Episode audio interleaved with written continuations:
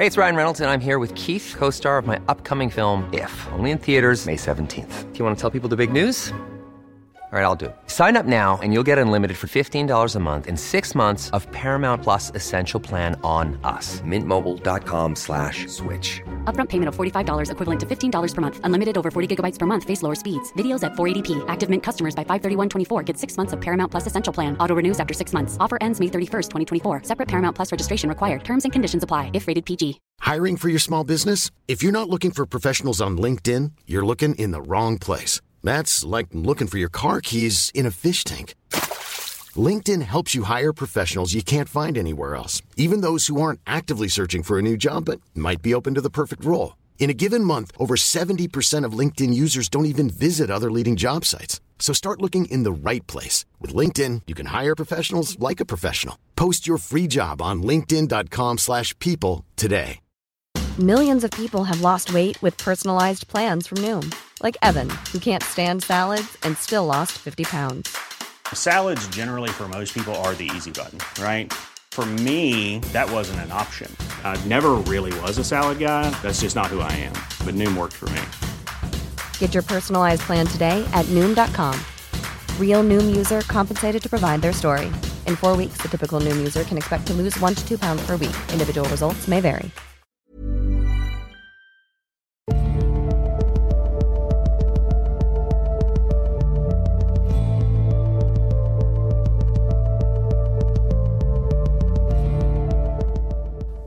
Hei og velkommen til Tåkeprat.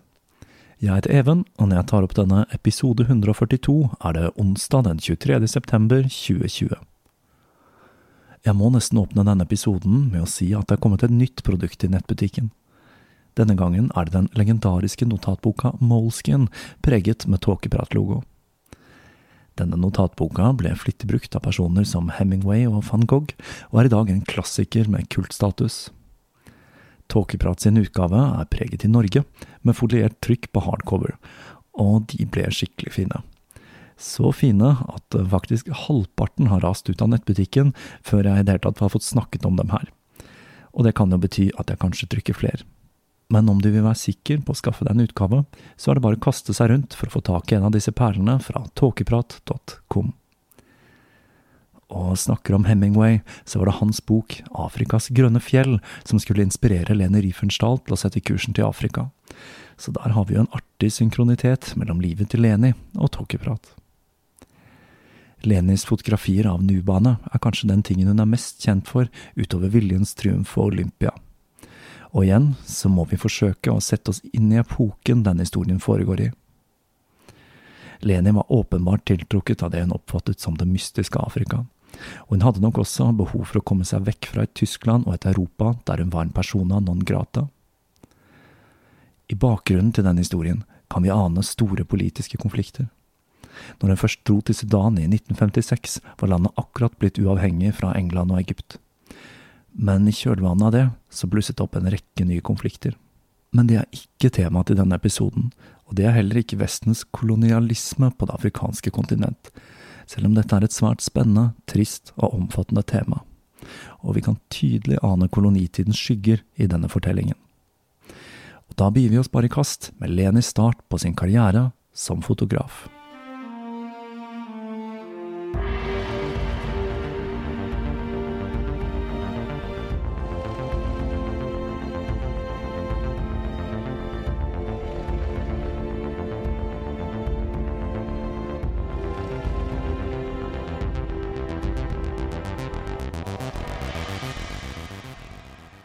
Det var altså Hemingways Afrikas grønne fjell som først skulle fange Lenis interesse for Afrika, med strofer som Alt jeg ønsket var å dra tilbake til Afrika.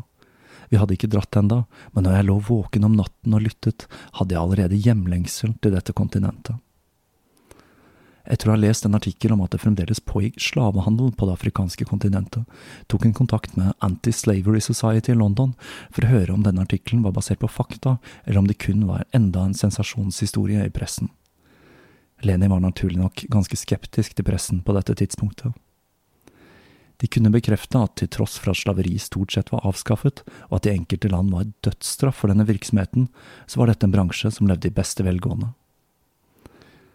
Leni luftet ideen om å lage en dokumentar om praksisen, og formannen i dette antislaveriselskapet, Mr. T. Fox Pitt, lovte at de skulle støtte henne i prosjektet, og sa at hun med deres støtte ville få et ekstra stempel av autoritet. I München tok hun kontakt med en zoolog som skulle til Afrika for å gjennomføre et vitenskapelig prosjekt, og han satte henne igjen i kontakt med storviltjegeren Hans Otto Meisner. De to sa seg villige til å være rådgivere under filmingen i Afrika. Igjen så var det penger som var problemet. Hun søkte om økonomisk støtte fra ulike filmselskap, men alle syntes det å filme i Afrika var en for risikabel affære. Men som vi har lært så langt i historien, så var ikke Leni en som ga opp så lett. Selv om det økonomiske ikke var på plass, så var hun så sikker på prosjektet at hun reserverte tre båtbilletter fra Napoli til Mombasa med avreise den 27. november 1955 for å begynne på preproduksjonen. Men hun begynte å bli nervøs når datoen for avreisen nærmet seg og hun fremdeles ikke hadde penger til å betale for billettene. Rett før hun var ved å gi opp, så fikk hun et tilbud fra Gloria Film, som var interessert i prosjektet. Men det var ett hår i suppa. De ville at de afrikanske og arabiske rollene skulle spilles av tyskere. Leni protesterte og sa at hun alltid ville jobbe med lokale mennesker for at filmene skulle virke autentiske, på samme måte som hun hadde brukt bønder i det blå lyset. Etter en lang periode med forhandlinger så så det ut til at de hadde klart å komme frem til en løsning. Men så, like før kontrakten skulle signeres, så ble hele prosjektet kansellert da distributøren nektet å være delaktig i et prosjekt der Leni var involvert. Igjen sparket spøkelset fra krigen beina under henne. Til tross for skuffelsen var Leni fast bestemt på å komme seg til Afrika. Og for å finansiere denne turen så solgte hun tidligere konfiskerte eiendeler hun hadde fått tilbake fra østerrikske myndigheter. I april 1956 sto hun på flyplassen i Reim og tok farvel med venner og moren. Moren kunne ikke skjønne hvorfor datteren skulle begi seg ut på denne potensielt farlige turen og det kan hende Leni undret seg litt selv over hva hun drev med, for før hun dro, så skrev hun for første gang et testamente. Når hun gikk av flyet i Khartoum i Sudan, var det som hun kom inn i en ny verden. Hele livet hennes hadde vært fylt av fjell og snø, og når varmen slo imot henne, føltes det som hun startet på et nytt liv. På flyplassen ble hun tatt imot av to herremenn som så ut som om de var sakset ut av en western og en dame som rakte henne en bukett med blomster. Dette var Stan Lawrence Brown, en storviltjeger, hans kone Ronny og George Six, som var sjefen for safarifirmaet til Lawrence Brown. Ekteparet var svært imøtekommende og entusiastiske, og fortalte Leni at de hadde vært fan av filmene hennes i hele 20 år. Når de tre satte seg for å spise lunsj på terrassen til hotellet de bodde på, spurte Ronny om hun ikke ville se på dyrelivet før de begynte å diskutere film og til tross for at det var under 24 timer siden Leni hadde dratt fra Tyskland og hun var fullstendig utslitt, så klarte hun ikke annet enn å takke ja til å bli med på et lite safari som gjorde et stort inntrykk på henne, og hvor hun brukte sine første ruller med film på afrikansk jord. De neste dagene ble brukt til å diskutere utfordringene med å få de nødvendige tillatelsene til å filme filmen som skulle hete Den svarte lasten. Stan sa at han trodde områdene i Nord-Kenya ville være mest egnet, og han sa at hun kunne være deres gjest i de neste fire ukene, og George Six kunne vise henne alle de stedene hun ønsket å se. Det hele var som en drøm, men som vanlig skulle ulykke ramme Leni. Mens George Six kjørte henne rundt i en jeep, løp en antilope over veien. Six forsøkte å unngå dyret, og traff to steiner. Bilen ble kullkastet, og det siste Leni husker før hun besvimte, var at forhjulene til jeepen dinglet over en tilsynelatende bunnløs avgrunn. Hun våknet av fryktelige smerter og ble klar over at noen forsøkte å dra henne ut av vraket. En stemme ropte bensin, brann. De hadde blitt reddet av en britisk offiser som tilfeldigvis hadde kommet forbi på veien som normalt var stengt på den tiden av året. Leni mistet bevisstheten gang på gang, og George Six, som hadde en bakgrunn innen medisin, sydde igjen et digert sår i hodet hennes hvorfra en arterie hang dinglende, uten bruk av verken bedøvelse eller desinfeksjon til tross for at han selv var i store smerter siden kneskålen hans hadde knust. Når de kom til Nairobi, ga legen opp, og hun ble plassert i rommet som var forbeholdt de døende. Når hun våknet, var det første hun så George Six. Han hadde ikke gitt opp håpet, og til tross for en punktert lunge og brukne ribbein, hadde hun til legenes store forbløffelse overlevd prøvelsen. Når ribbeinet hennes var leget, fortalte legen at hun ikke var i stand til å fly til Tyskland, og at lungen hennes måtte opereres i Nairobi. Leni ble redd. Hun fikk en nagende følelse av at dette var noe hun ikke skulle gjøre, og hun nektet å gjennomgå operasjonen, og igjen så hadde magefølelsen hennes rett. Lungen ble bra igjen, uten operasjon, og ved hjelp av George Six så klarte hun å snike seg ut av sykehuset og dro til huset til han og kona, hvor hun ble til hun igjen klarte å gå for egen maskin. Denne dramatiske ulykken gjorde ingenting med Lenis eventyrtrang, og det gikk ikke lang tid før hun og George Six igjen satt i jeepen og kjørte gjennom det afrikanske landskapet. Plutselig utbrøt hun Stopp bilen! Langs veien så Leni to afrikanere hun beskriver som majestetiske, kledd i fargerike, tradisjonelle drakter og med spyd og skjold.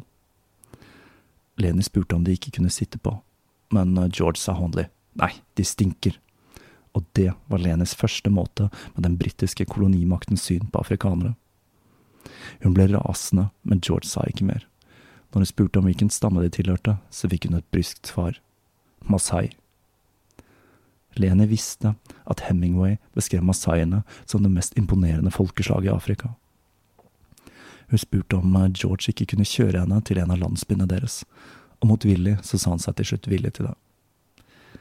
Det første møtet med masaiene gikk ikke så bra. Kvinnene kastet stein etter henne, og barna løp gråtende av gårde, mens mennene bare skulte på henne fra avstand. Men på samme måte som hun hadde klart å bli venner med bøndene som var med på innspillingen av Det blå lyset, så kom hun dag etter dag og satte seg på utsiden av landsbyen mens hun leste en bok. Sakte, men sikkert ble masaiene vant til henne. Kvinnene sluttet å kaste stein, og barna kom nærmere og nærmere.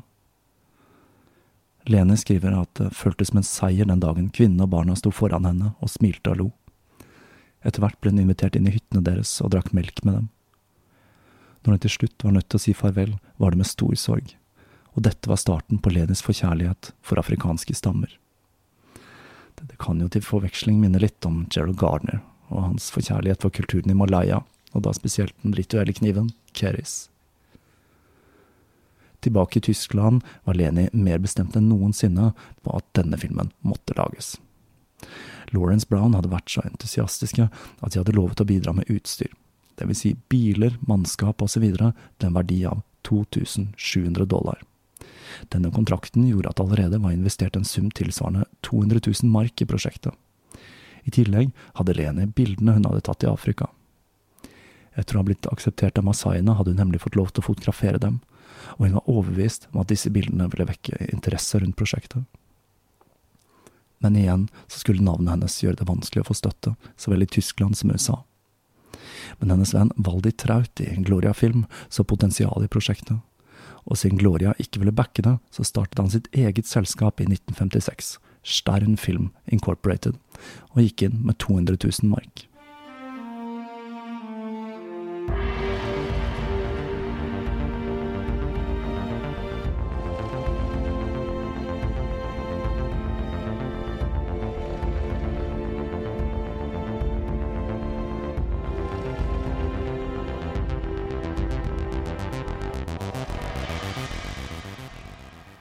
Leni dro tilbake til Afrika for å forberede filmingen. Fra Nairobi la teamet ut på vei mot Tana-elva. Og det er ikke i Tana, men i Nord-Kenya. Mens de reiste nordover, så fikk de øye på flere mennesker fra ulike stammer. Og Leni ble igjen irritert over at George utviste en forakt for disse menneskene, og ikke ville ha noe med dem å gjøre. Det skulle snart vise seg at veien var for uframkommelig å ta seg frem med med bil, og de måtte bestille et småfly fra Mombasa, noe som gjorde at de overskred budsjettet. Den første flyturen over Tanaelva var skuffende. De fant ingen passende lokasjon, men på den andre turen skulle de ha heller med seg når Leni så øya Lamu, som virket perfekt for en del scener i filmen. Og de skulle finne flere egnede steder, blant annet i den belgiske Kongo. Når hun kom tilbake til Nairobi, tårnet det seg opp med enda flere problemer. Helge, som hadde blitt ansatt til å finne statister i filmen, hadde ikke lyktes med dette. Leni mente at dette skyldtes at han var for sjenert til å spørre, og så seg nå nødt til å ta på seg denne oppgaven selv. I midten av september samlet crewet seg på Lamu, og de satte opp en leir like utenfor landsbyen på øya. De hadde enda ikke klart å få tak i noen til å spille de afrikanske rollene, og så manglet de én ting til, nemlig slaveskipet. De trengte en husbåt, men verftet de hadde funnet i Mombasa, sa de kom til å trenge minst seks måneder for å bygge dette. Dette var selvsagt altfor lang tid å vente, og George Six han tråkket til. Han mente han kunne bygge en slik båt selv på bare en uke. Og det var nok en smule optimistisk, da det ville ta minst to uker bare å frakte de nødvendige materialene til byggeplassen. Når eh, Leni var på jakt etter statister til rollene som slaver, skulle hun igjen få et møte med raseskillet i Afrika. Når de mellomlandet i Malini, ville Leni ta med den arabiske oversetteren Abdullah til lunsj. Men piloten nektet å ta han med, og sa at dersom han viste seg på hotellet der de skulle spise, så ville han bli skutt. Abdullah dro Leni til side og sa, Miss Leni, vi arabere er vant til å bli behandlet på den måten her. Bare dra og spis med han. Det er en arabisk restaurant like i nærheten, hvor jeg kan spise. Denne hendelsen gjorde Leni svært opprørt, og hun ble heller med Abdullah til hans restaurant framfor å spise på det britiske hotellet. Mens de spiste, begynte Abdullah å fortelle om klasseforskjeller og rasisme i landet, og det begynte å demre for Leni at synet George Six hadde på afrikanere, var systemisk blant en viss type engelskmenn. Dette skulle vise seg vanskelig på flere plan. For når de forsøkte å få kontakt med svarte afrikanere, så ble de redde når de så Abdullah. De trodde nemlig at han var en slavehandler. Og det at de forsøkte å forklare at de trengte statister til en film om slavehandel, gjorde sikkert ikke saken bedre. Til slutt så lyktes de med å få tak i tolv statister til disse rollene. Men av disse hadde alle etter hvert blitt så redde for at de skulle selges som slaver, at alle bortsett fra tre hadde flyktet. Når Leni tok imot de siste tre, så kjørte de til markedet i Mombasa og kjøpte nye klær til dem, hun tok dem med for å spise for å lette litt på bekymringene deres. I Mombasa klarte hun også å overbevise fem menn til å ta roller som statister. Nå var endelig alt på plass for å starte å filme. Eller var det egentlig det? 30 år senere forteller Leni at hun ikke helt skjønte hvordan hun hadde motet til å begi seg i kast med dette. Det var ingen skikkelig vei mellom Maldini og Lamu, kun en jungelsti og ingen steder der de kunne kjøpe forsyninger. Da de la ut på ferden, så kom hun på at det var enda en ting hun hadde glemt. Hun hadde glemt å kjøpe mat, noe som gjorde at denne ni timer lange kjøreturen, hvor hun var den eneste kvinnen blant masse ukjente menn, ble en nervepirrende affære. Men til tross for en svært anspent kjøretur, så kom de seg trygt fram til leiren. Så skulle det dukke opp enda flere problemer. England og Frankrike hadde gått i angrep på Egypt med hjelp fra Israel. Dette var den såkalt Suez-krisen, og kanalen var stengt. Det førte til at båten med filmutstyret måtte ta en omvei rundt Sør-Afrika, noe som la flere uker til transporttiden. Heldigvis sa Lawrence Brown seg villige til å forlenge kontrakten. Det å filme i Afrika skulle vise seg å være en dyrere affære enn hva Leni hadde forestilt seg, og i tillegg skulle det vise seg svært tidkrevende å få tak i de nødvendige tillatelsene til å filme. Og for ikke å snakke om at flere av medlemmene i crewet ble rammet av diverse sykdommer, som feber og diaré, og det la selvfølgelig en ytterligere demper på stemningen. I november klarte de å komme seg til Queen Elizabeth Park i Uganda, hvor de skulle filme noen deler av filmen, men der fortsatte ulykkene. Dette skulle være en av de mest solfylte månedene i året, men det var gråvær, så mens de ventet på at solen skulle titte fram, så benyttet de tiden til å fotografere dyrelivet. Når de endelig skulle begynne å filme, så nektet statistene å gå om bord i husbåten. De var nemlig redde for vann, og det gjorde ikke saken bedre at den skulle ros blant krokodiller, flodhester og neshorn. Men med mye godsnakking så klarte de til slutt å begynne filmingen, men kun etter tre dager så fikk Leni et telegram fra Waldi Traut, som skrev at hun måtte dra til München øyeblikkelig. Prosjektet hadde gått tomt for penger, og den eneste måten de kunne skaffe mer midler på, var om hun dro til Tyskland og viste det de hadde filmet, for potensielle investorer. Men når hun kom dit, så hadde Traut vært utsatt for en ulykke, og han lå i koma. Nå hadde hun ikke engang penger til å få mannskap i Afrika hjem, og i Afrika, der hadde safarifirmaet beslaglagt alt utstyret i påvente av betaling. Alt raste sammen, og igjen så fikk Leni et sammenbrudd og ble lagt inn på sykehuset. I 1960 hadde Leni fått sparket beina under seg gang på gang. Hun hadde tilbrakt tre år i fangenskap og fire måneder på mentalsykehus. Eiendelen hennes hadde blitt beslaglagt, og hun hadde fått ryktet sitt ødelagt. Det hadde vært talløse rettssaker i kjølvannet av Det tredje riket, og alle filmprosjektene hun hadde begynt på etter krigen, hadde falt i fisk. Igjen søkte Leni tilflukt i fjellene, og der møtte hun Michi Konodo, en japaner hun hadde vært i kontakt med i flere år. Hun hadde først møtt han og to av brødrene under en visning av Olympia, og der hadde de fortalt henne at de hadde sett filmen minst ti ganger som barn. Den ettermiddagen fortalte Michi at de hadde tenkt å begynne å lage dokumentarfilmer om Afrika, og han spurte om Leni var interessert i å bli en partner i filmselskapet deres. Han fortalte at de skulle ta seg av det finansielle, og at alt de ønsket fra henne, var hennes erfaring og evne som regissør. Han sa også at navnet hennes ikke hadde det samme stigma i Japan, og at det ikke ville hefte filmen i hjemlandet. Sammen stiftet de Kondo Film Limited. Leni bestemte seg for at den første filmen skulle handle om Nilen, og manuset var ferdig på kun to uker. Hovedrollen skulle spilles av Nilen selv, og hun planla å lage en film som skildret motsetningene mellom det gamle og det moderne Afrika. Michi og broren Yoshi dro til Kairo for å skaffe de nødvendige tillatelsene til å filme. Det hadde de greid, men ikke Sudan, fordi ministeren som kunne gi den, denne, han var på ferie. De bestemte derfor at Leni skulle dra på en rundreise til Egypt, Uganda og Sudan for å se etter lokasjoner til filmen og skaffe de siste tillatelsene. I Sudan så kontaktet hun turistministeren, Ahmed Abu Baker, og de to fant raskt tonen. Leni fikk de nødvendige tillatelsene, med forutsetningen om at filmteamet alltid måtte være i følge med enten politi og soldater, og at de ikke kunne fotografere nakne mennesker. Et punkt som skulle skaffe henne problemer senere. Leni kom tilbake til Berlin den 12. august 1961, dagen før Berlinmuren ble påbegynt. Det skulle ramme Leni på flere måter.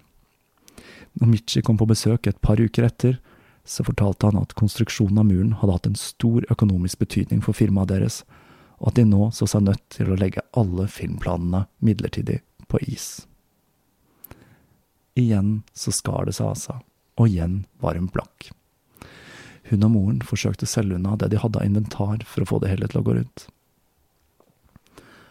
Men så skulle hun få uventet besøk.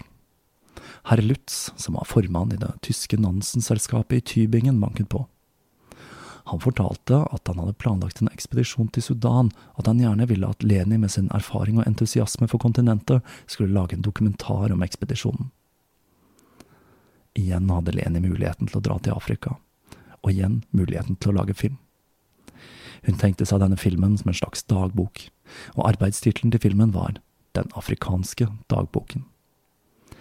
Denne gangen trengte de heller ikke all verdens med utstyr, kun en terrengbil og filmutstyr, og kameramannen fra den svarte lasten, han ble så gira da han hørte om prosjektet, at han og assistenten hans sa seg villige til å jobbe uten forskuddsbetaling i ni måneder. For å finansiere dette tok hun kontakt med Alfred Krupp, en tysk industrialist som hadde fått en spesiell forkjærlighet for Afrika etter å ha vært med på en jaktekspedisjon i Sør-Sudan året før. Denne Krupp-familien er et 400 år gammelt familiedynasti, og mange av dere har sikkert hørt om Kruppstål som en betegnelse som brukes for å beskrive hvor solide disse tyske produktene var. Krupp var det største firmaet i Europa på begynnelsen av 1900-tallet, og de var den største våpenprodusenten til Tyskland under begge verdenskrigene. Like etter dette møtet så sendte han henne bildene og filmene han hadde tatt under oppholdet, for å høre hva hun syntes, og han fikk se bildene hun hadde tatt under produksjonen av den svarte lasten. Han ble så imponert at han ba henne sende dem til sin venn prins Bernhard av Nederland. Men da hun spurte om han var interessert i å støtte det nye filmprosjektet økonomisk, så fikk hun et negativt svar, selv om dette dreide seg om lommerusk for Krupp. Og det samme skulle skje når hun forsøkte å oppdrive pengene andre steder. Ingen i Tyskland ville bli assosiert med Riefenstahl. Hun så seg nødt til å skrinlegge prosjektet, men hun var fremdeles fast bestemt på å dra til Afrika, så hun bestemte seg for å bli med på ekspedisjonen og kun filme med 16 mm og ta stillbilder. Etter å ha sørget for moren økonomisk ved hjelp av sin eksmann, bega hun seg på ny ut på et Afrika-eventyr i september 1962. Når hun hadde vært på sykehuset i Nairobi, så hadde hun sett et bilde i en utgave av Stern som fengslet henne. Det var en afrikansk mann som ble båret på skuldrene til en annen. Han så ut som en skulptur, og i teksten til bildet kunne hun lese Nuba fra Kordofan. Leni hadde forsøkt å finne ut så mye som mulig om dette stammefolket, men det var svært lite hun klarte å finne ut om dem. De levde i en isolert tilværelse, og det var svært få vestlige som hadde besøkt dette folket. I Khartoum så ble hun tatt imot av Nansen-selskapet, men så ble de stoppet i tollen. Tollerne krevde at de skulle betale toll på filmutstyret, noe som førte til en fire dager lang diskusjon mellom tollerne og følget til Leni. På den fjerde dagen så brøt hun sammen, og tollerne forbarmet seg over henne og lot hun få importere utstyret skattefritt. Til å begynne med hadde stemningen i gruppen vært svært god, men denne begynte å surne etter hvert som ekspedisjonen skred frem. En dag skulle det hele spisse seg til da noen røykbomber Leni hadde pakket, gikk av i leiren og førte til store skader på utstyret. Med økt spenning og på grunn av at regntiden gjorde den planlagte ruten uframkommelig, foreslo Leni at de skulle ta en alternativ rute hun hadde hørt om fra Abu Baker. Denne var vesentlig lengre, men regntiden var over i den delen av Sudan, og i tillegg så gikk veien gjennom Kordofan og området til Nuba-folket.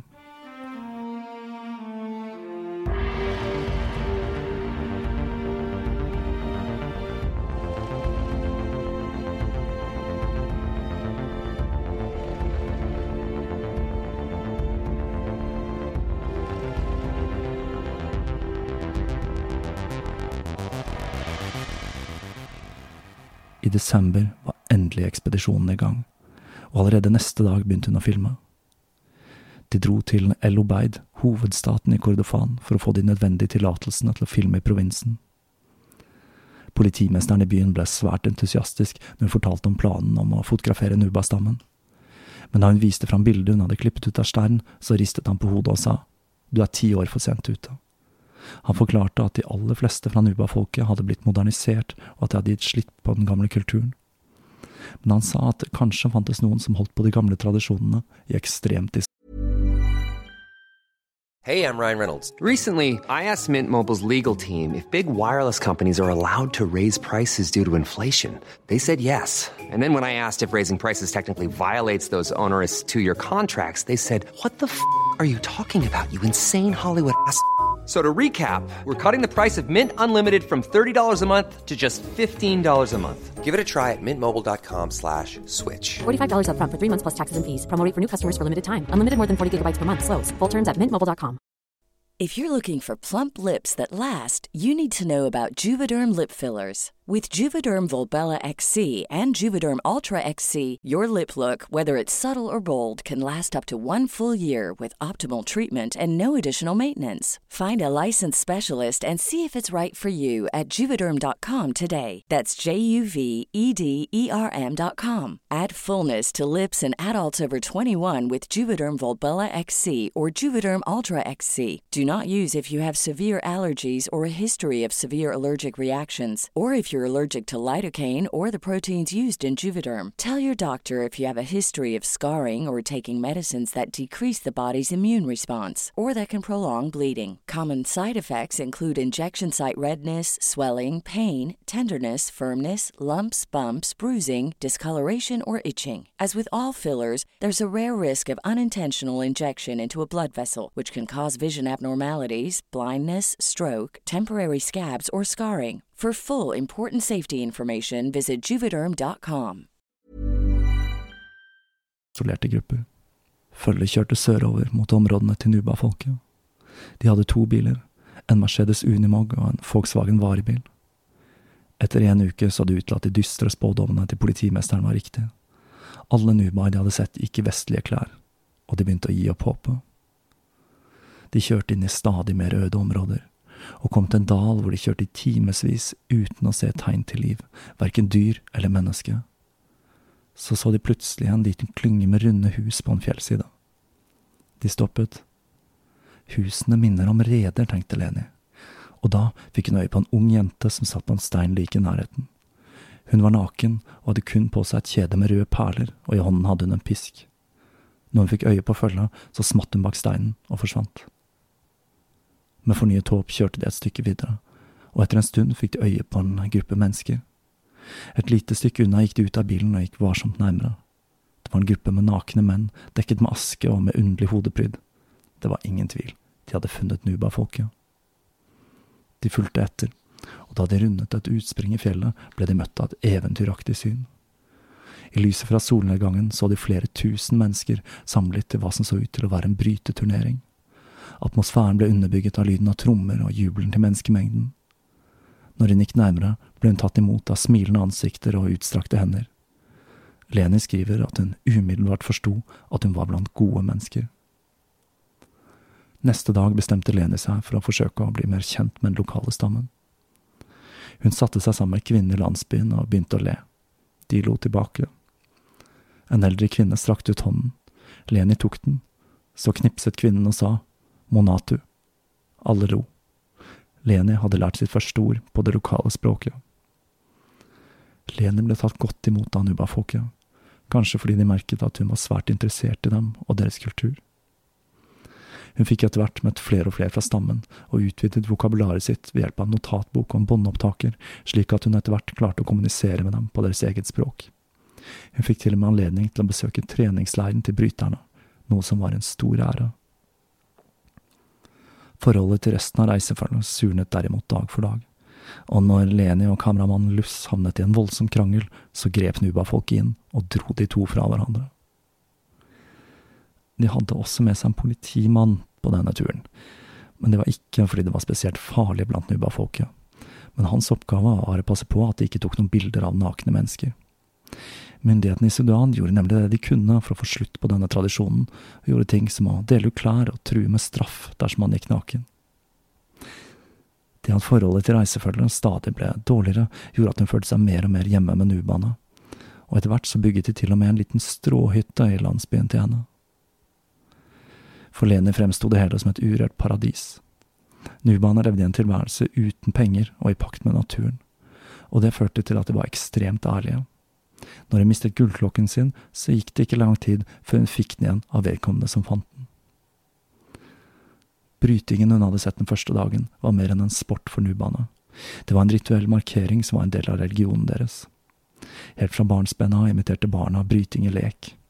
Og det var Kydyr, eller presten, som sammen med de eldstes råd avgjorde når og hvor disse turneringene skulle finne sted. Etter sju uker måtte Leni motvillig ta farvel med sine nye venner, da Nansen-ekspedisjonen ikke hadde mer tid.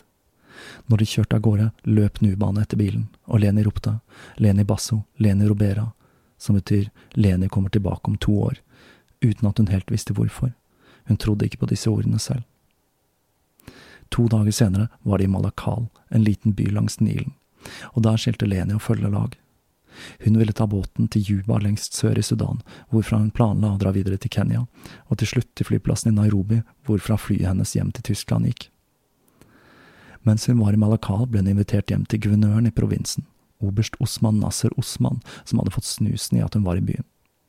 Han var svært åpen og fascinert over Lenis historie om Nuba-folket, og mens de drakk kaffe, sa han at han skulle besøke kongen til Shilluk-folket om et par dager, og at hun mer eller gjerne kunne bli med og fotografere. Problemet var transport. Men det skulle løse seg når hun møtte på to turister på hotellet, en tysker og en engelskmann, som gjerne ville bli med på ekspedisjonen dersom de delte på kostnadene. De kom seg til Fashola, hvor kongen bodde, dagen før guvernøren skulle komme. Der var det en Shilluk krigerfestival, og tusenvis av krigere med krokodilleskinn og spyd, kledd i leopardskinn med juveler, hilste kongen som om han skulle vært en gud. Når guvernøren kom, ble hun introdusert for kongen, og hun ble utstyrt med en guide som kunne engelsk. Leni bestemte seg for å tilbringe et par dager der, og til tross for at det var en krigerfestival, så fant hun dette folket utrolig fredelige, og hun ble tatt imot med åpne armer. Hun tenkte over opplevelsen hun hadde hatt i Afrika, og Vestens idé om utemmet barbari på dette kontinentet. Slik hun så det, så var det Vesten som fremsto som barbarer, ikke omvendt. Når de skulle ta båten til Juba, så var den full og hun foreslo for sine to reisekamerater at de skulle kjøre dit fremfor å vente en uke på neste båt. Dette ville gjøre det slik at de kjørte gjennom området til Nuban igjen, og Leni savnet allerede sine nye venner. Tyskeren ville ha 1500 mark for turen, og alt Leni hadde igjen var 1800. Men etter å ha forsøkt å prute på prisen, så endte hun opp med å betale mannen det han ville ha. Hun skulle få se de nye vennene sine igjen, og om alt gikk etter planen, så ville hun kunne tilbringe en hel måned der. Men like etter det han hadde lagt ut på ferden, så kjørte Volkswagen-bussen seg fast, og tyskeren og engelskmannen de nektet å dra etter hjelp, så Leni bega seg tilbake på veien til Malakal alene. Det var ikke før mørket falt på at hun innså at hun hadde glemt å ta med seg lommelykt, men heldigvis kom hun etter noen timer over en skilluk som hjalp henne tilbake. Da hun dukket opp ved bilen neste morgen med en redningsaksjon, satt de to følgesvennene og spiste frokost, og de uttrykte verken overraskelse eller glede. Resten av turen til Nubana foregikk uten dramatikk, og to dager senere kjørte de opp til treet der Nansen-følgeren tidligere hadde slått leir. Mens de pakket ut, så begynte hun å høre stemmer i mørket, og etter hvert ble hun omringet av folket fra Nuba-stammen, som omfavnet henne, lo og gråt, og inviterte henne med til å spise med dem. Leni følte sterkere enn noen gang at hun var kommet hjem. Men neste morgen sa tyskerne at de ikke kunne være der i fire uker, men at de måtte dra etter kun et par dager. Leni ble rasende, men hun innså at hun ikke hadde noe valg. Nubane enset at forholdet mellom de tre ikke var optimalt, og Leni fikk låne en hytte i landsbyen.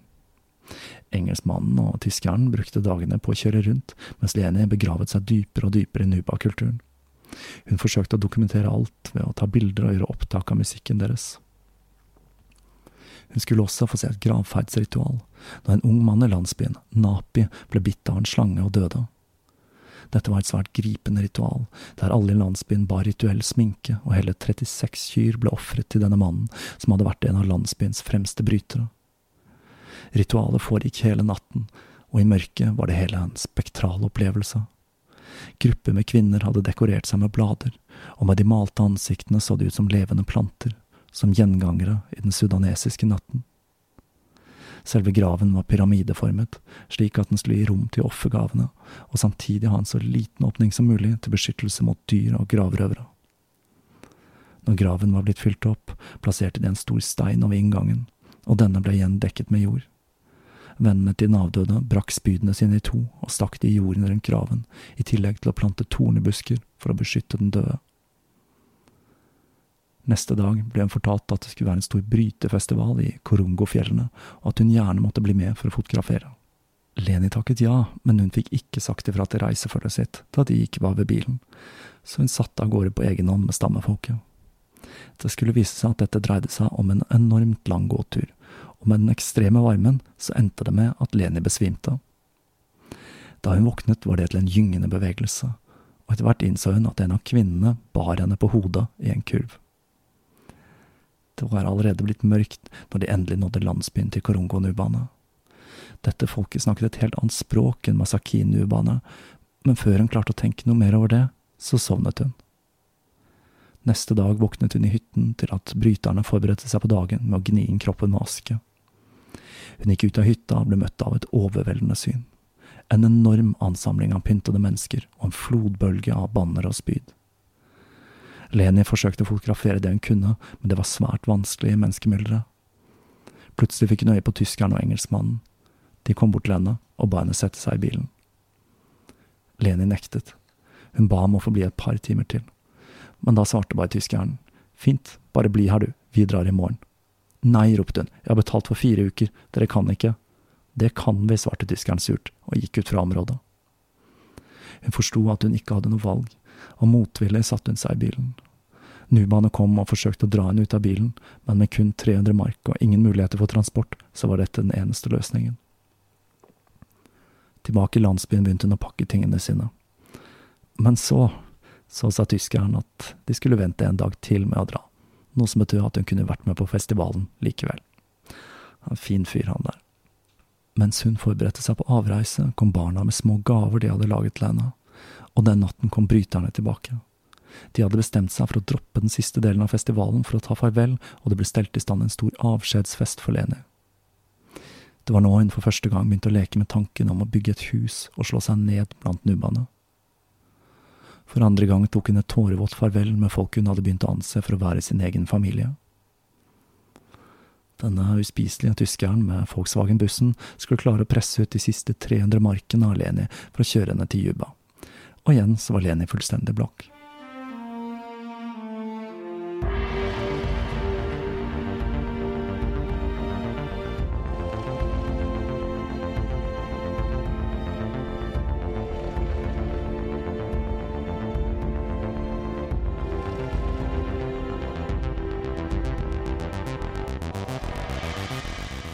Men lykken snudde. Når hun var i Wau, hovedstaten i den sørvestlige provinsen Bar el Ghazal, ble hun kontaktet av Osman Nasser Osman, som tilbød henne å bli med han på en tur gjennom den øvre Nil-provinsen.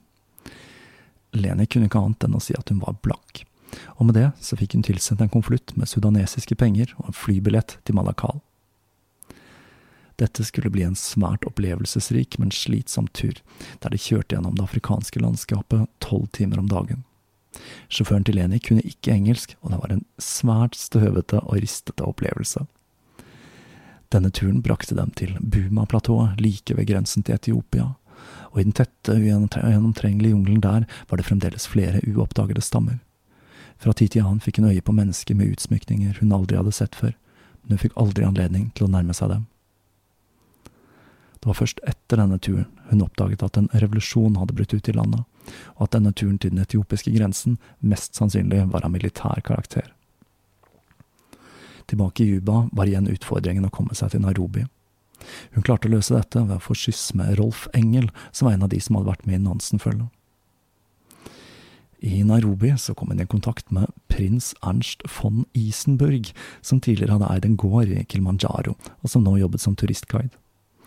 Han kunne språket til masaiene, og tilbød seg å ta med Leni dit for en beskjeden sum, siden hun delte hans glødende interesse for dette folket. Hun var altså blakk, men denne gangen klarte hun å få tilsendt et lån via en velstående venn, og de to la ut på ekspedisjonen for å besøke masaiene i slutten av mai 1963. Masaiene er et ganske annerledes folk enn urbane. For det første så er de den eneste afrikanske stammen som ikke bruker musikkinstrumenter. De er et krigerfolk, og det å vise smerte eller frykt blir sett på med skam. Kvinnenes posisjon i samfunnet var også svært forskjellig fra nubaene.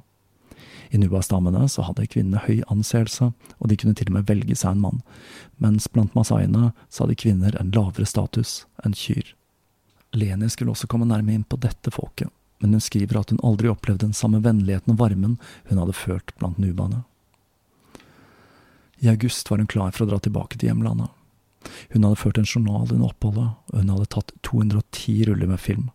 Det var hennes første jobb som fotograf. Oppholdet hadde gitt henne en ny giv. Møtet med en så radikalt annerledes kultur hadde gjort at hun hadde glemt de harde årene i Tyskland. Den 8. august 1963 var hun tilbake utenfor leiligheten hun hadde forlatt ti måneder tidligere. Moren ble sjokkert når hun så datteren igjen. Leni skjønte først ikke hvorfor, men så så hun seg selv i speilet. Hun var helt utmagret etter ekspedisjonen, og det skulle gå flere måneder før hun så ut som seg selv igjen. Men morens bekymringer var ikke det eneste hun hadde å bryne seg på. Hun hadde sendt bildene hun hadde tatt til assistenten Uli, som hadde lovet å fremkalle dem og gi negativene til moren. Men selv om han hadde lovet å sende henne et telegram om kvaliteten, så hadde hun ikke hørt noe. Moren så på henne. Jeg er redd Uli kan bli et problem. Hva mener du, spurte hun. Moren fortalte at Uli hadde oppført seg unnvikende og litt merkelig, og at hun kun hadde fått én av tre pakker med filmruller. Og så fortalte hun at hun hadde funnet ut at Uli hadde fått seg en jobb som fotograf etter Leni hadde dratt. Leni fryktet det verste. Hadde han stukket av med bildene? Men til slutt så klarte hun å få kontakt med ham. Men nyheten han hadde, var alt annet enn oppløftende. Han fortalte at alle de andre filmrullene hadde vært blanke, mest sannsynlig på grunn av den afrikanske tollen. Han sa videre at han ikke hadde sagt ifra til Leni fordi han ikke ville opprøre henne, og han ga henne de ødelagte filmrullene. Igjen så gikk Lene i kjelleren. Hvordan var dette mulig? Mens hun lå der deprimert, gikk noe opp for henne. Uli hadde nevnt bilder som var på rullene som angivelig var blanke, og igjen så begynte hun å lete etter den unge mannen. For å finne ut hva som hadde skjedd, så tok hun kontakt med politiet, og de fant ut av det. Når Uli hadde mottatt den andre og tredje pakken han hadde fått, så hadde han tatt filmene ut av boksene for å studere dem før han tok dem med til framkalling. Filmene ble derfor eksponert for lys, og rullene ble blanke før det ble sendt til fotolaboratoriet. Politiet dro til leiligheten hans i München, og der fant, han, fant de fire ruller han hadde glemt. Når disse ble tatt med til fotolaben, så viste det seg at de var feilfrie. Etter hvert så skulle hun også finne ut at Uli hadde solgt 30 av rullene til en fotobutikk i Sollen. Eleni ga opp, og hun tilga den unge mannen når hun innså at hun ikke burde ha stolt på ham i utgangspunktet. Hun hadde tross alt opplevd verre ting før. Det aller viktigste var at bildene av Nuba-stammen var intakte. og de vakte stor oppsikt, og hun ble oppfordret til å finansiere en ny ekspedisjon med en foredragsturné. Mens hun igjen så en mulighet til å dra til Afrika, kom det enda flere sjokkerende nyheter. Vesttysk TV hadde sluttet å betale for å be bruke Olympia, da de mente at denne filmen tilhørte det tidligere tyske riket, og ikke Leni. Dette førte til enda en ny runde med måneder med rettssaker. Mens hennes eneste inntekt, som var inntekten hun hadde fra tysk fjernsyn, nå var revet vekk. Etter krigen hadde det tatt årevis å få tilbake filmen fra franske myndigheter, og nå var det altså Tyskland, et land som hadde vendt henne ryggen og ikke tilbudt henne hjelp når hun trengte det som mest, som motarbeidet henne. Til slutt så orket hun ikke mer, og hun inngikk et kompromiss.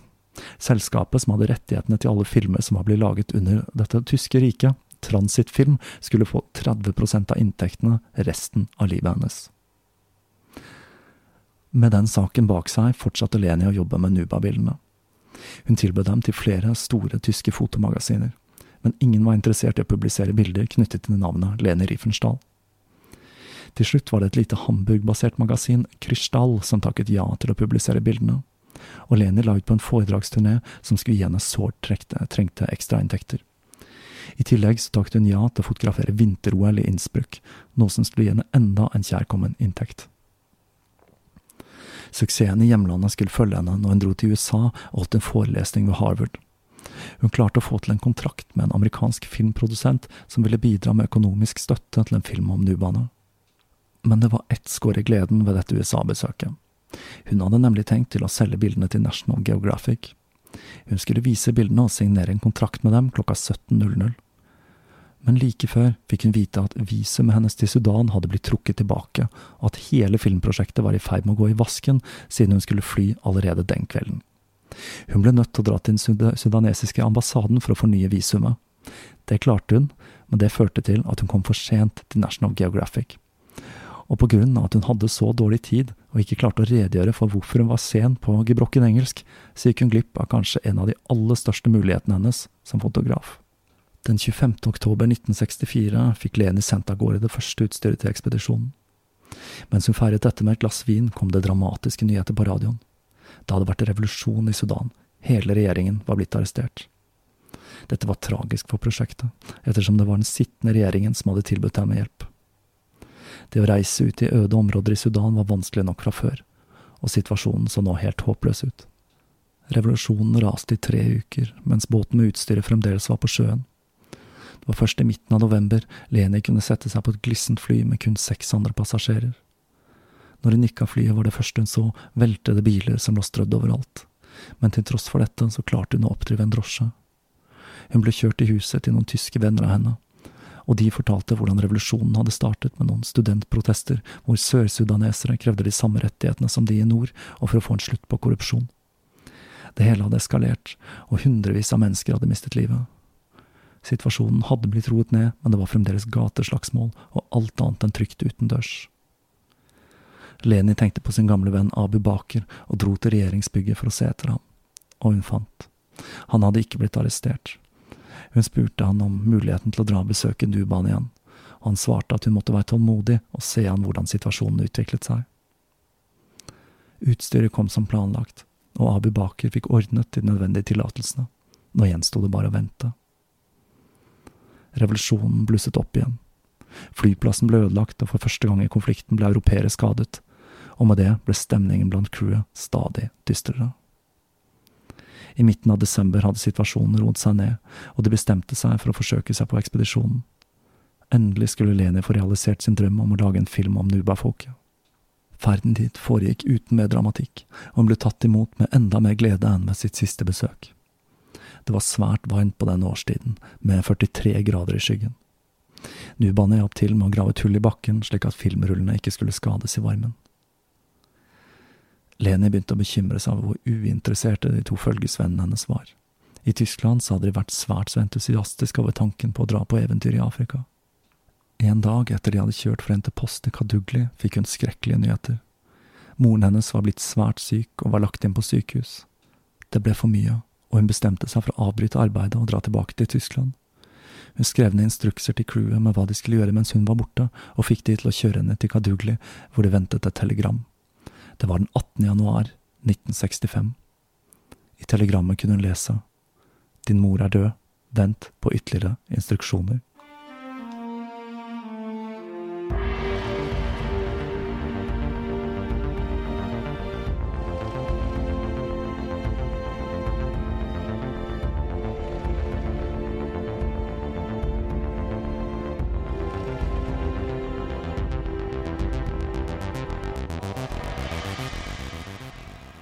Og det var slutten på den nest siste delen av historien om livet til Leni Riefensdahl.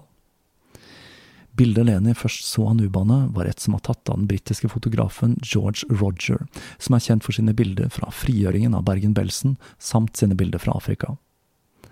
Han skulle gå kraftig ut mot Leni etter at bildene hennes ble publisert, og beskyldte henne for å forårsake fallet til nubakulturen. Roger fortalte at Leni hadde tilbudt ham penger for å fortelle om hvor man kunne finne dette folket, men at han hadde nektet på grunn av besøket til Bergen-Belsen.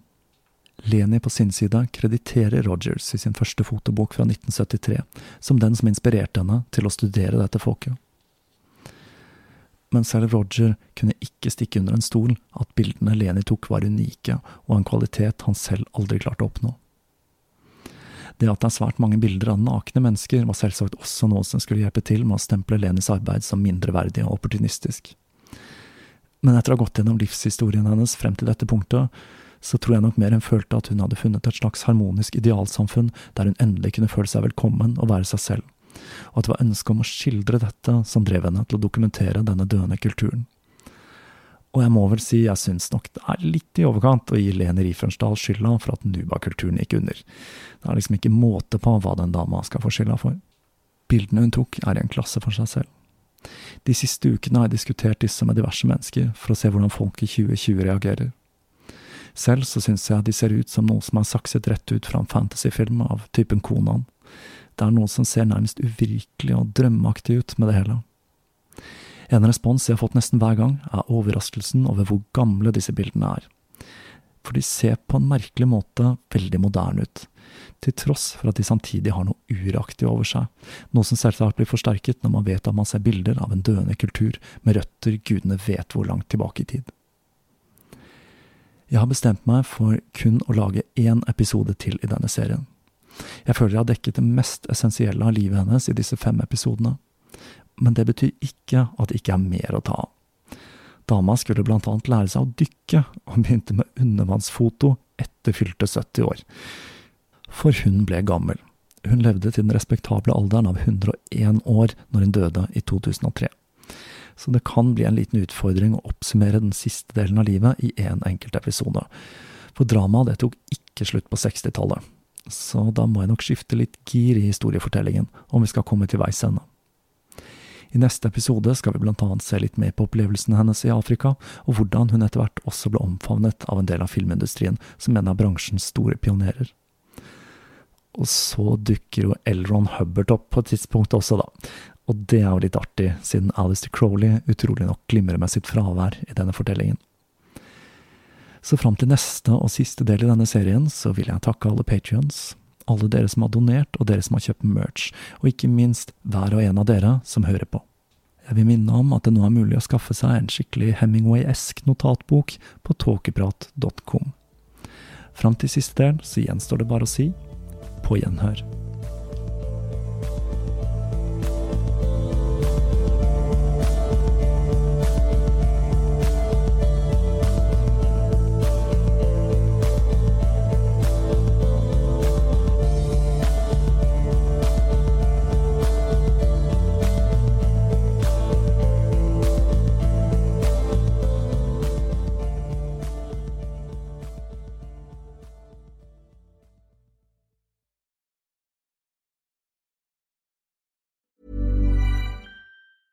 Planning for your next trip? Elevate your travel style with Quince. Quince has all the jet setting essentials you'll want for your next getaway, like European linen, premium luggage options, buttery soft Italian leather bags, and so much more. And is all priced at 50 to 80% less than similar brands. Plus, Quince only works with factories that use safe and ethical manufacturing practices. Pack your bags with high-quality essentials you'll be wearing for vacations to come with Quince. Go to quince.com slash pack for free shipping and 365-day returns.